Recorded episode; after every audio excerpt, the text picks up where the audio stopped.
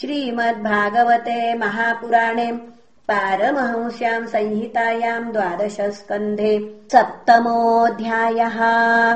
ओम् श्रीपरमात्मने नमः।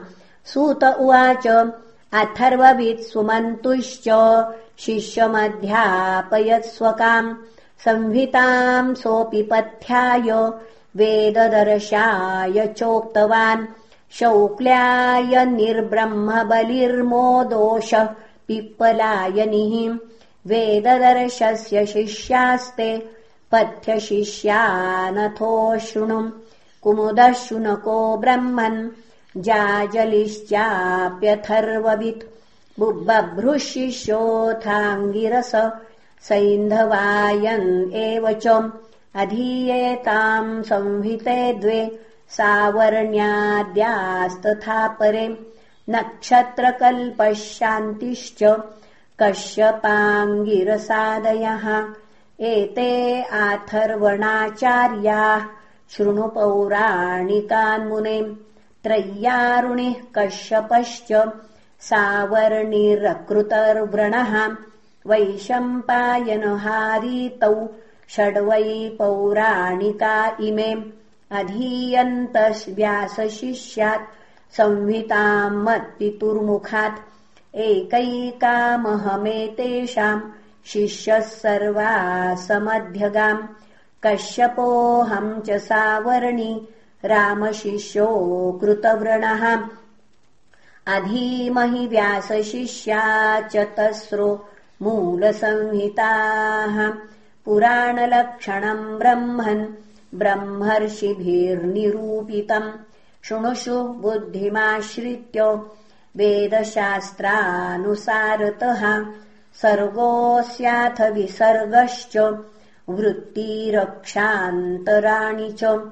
वंशो वंशानुचरितम् संस्थाहेतुरपाश्रयः दशभिर्लक्षणैर्युक्तम् पुराणम् तद्विदो विदुः केचित् पञ्चविधम् ब्रह्मन् महदल्पव्यवस्थयाम् अव्याकृतगुणक्षोभान्महतस्त्रिवृतोऽहमः भूतमात्रेन्द्रियार्थानाम् सम्भव सर्ग उच्यते।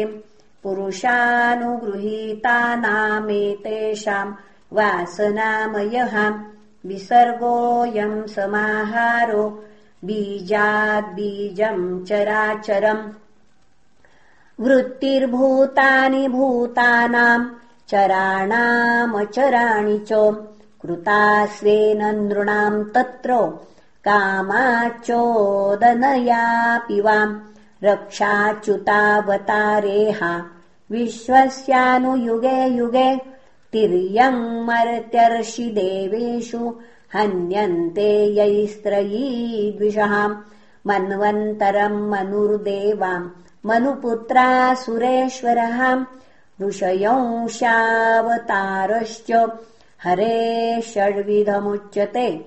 राज्ञाम् ब्रह्मप्रसूतानाम् वंशस्त्रैकालिकोऽन्वयः वंशानुचरितम् तेषाम् वृत्तम् वंशधराश्च ये नैमित्तकः प्राकृतिको।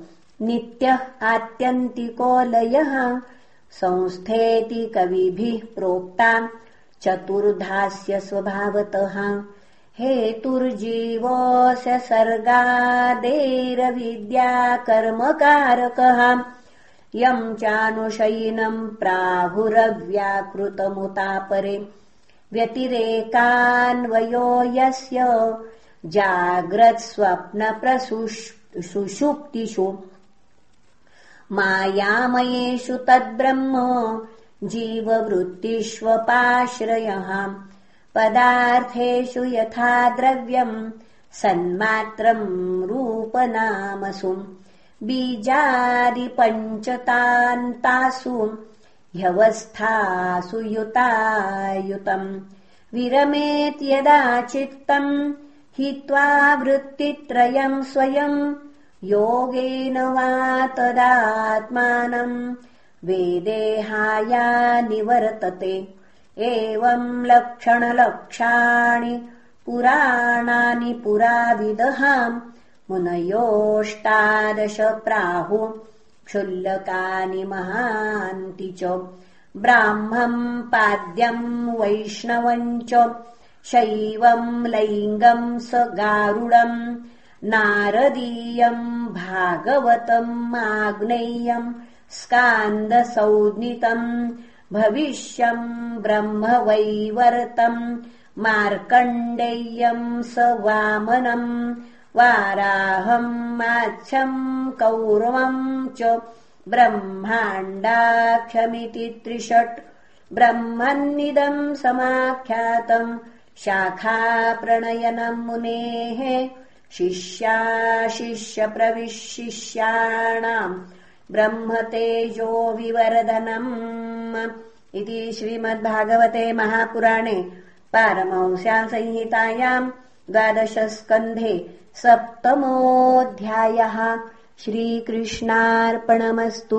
हरये नमः हरये नमः हरये नमः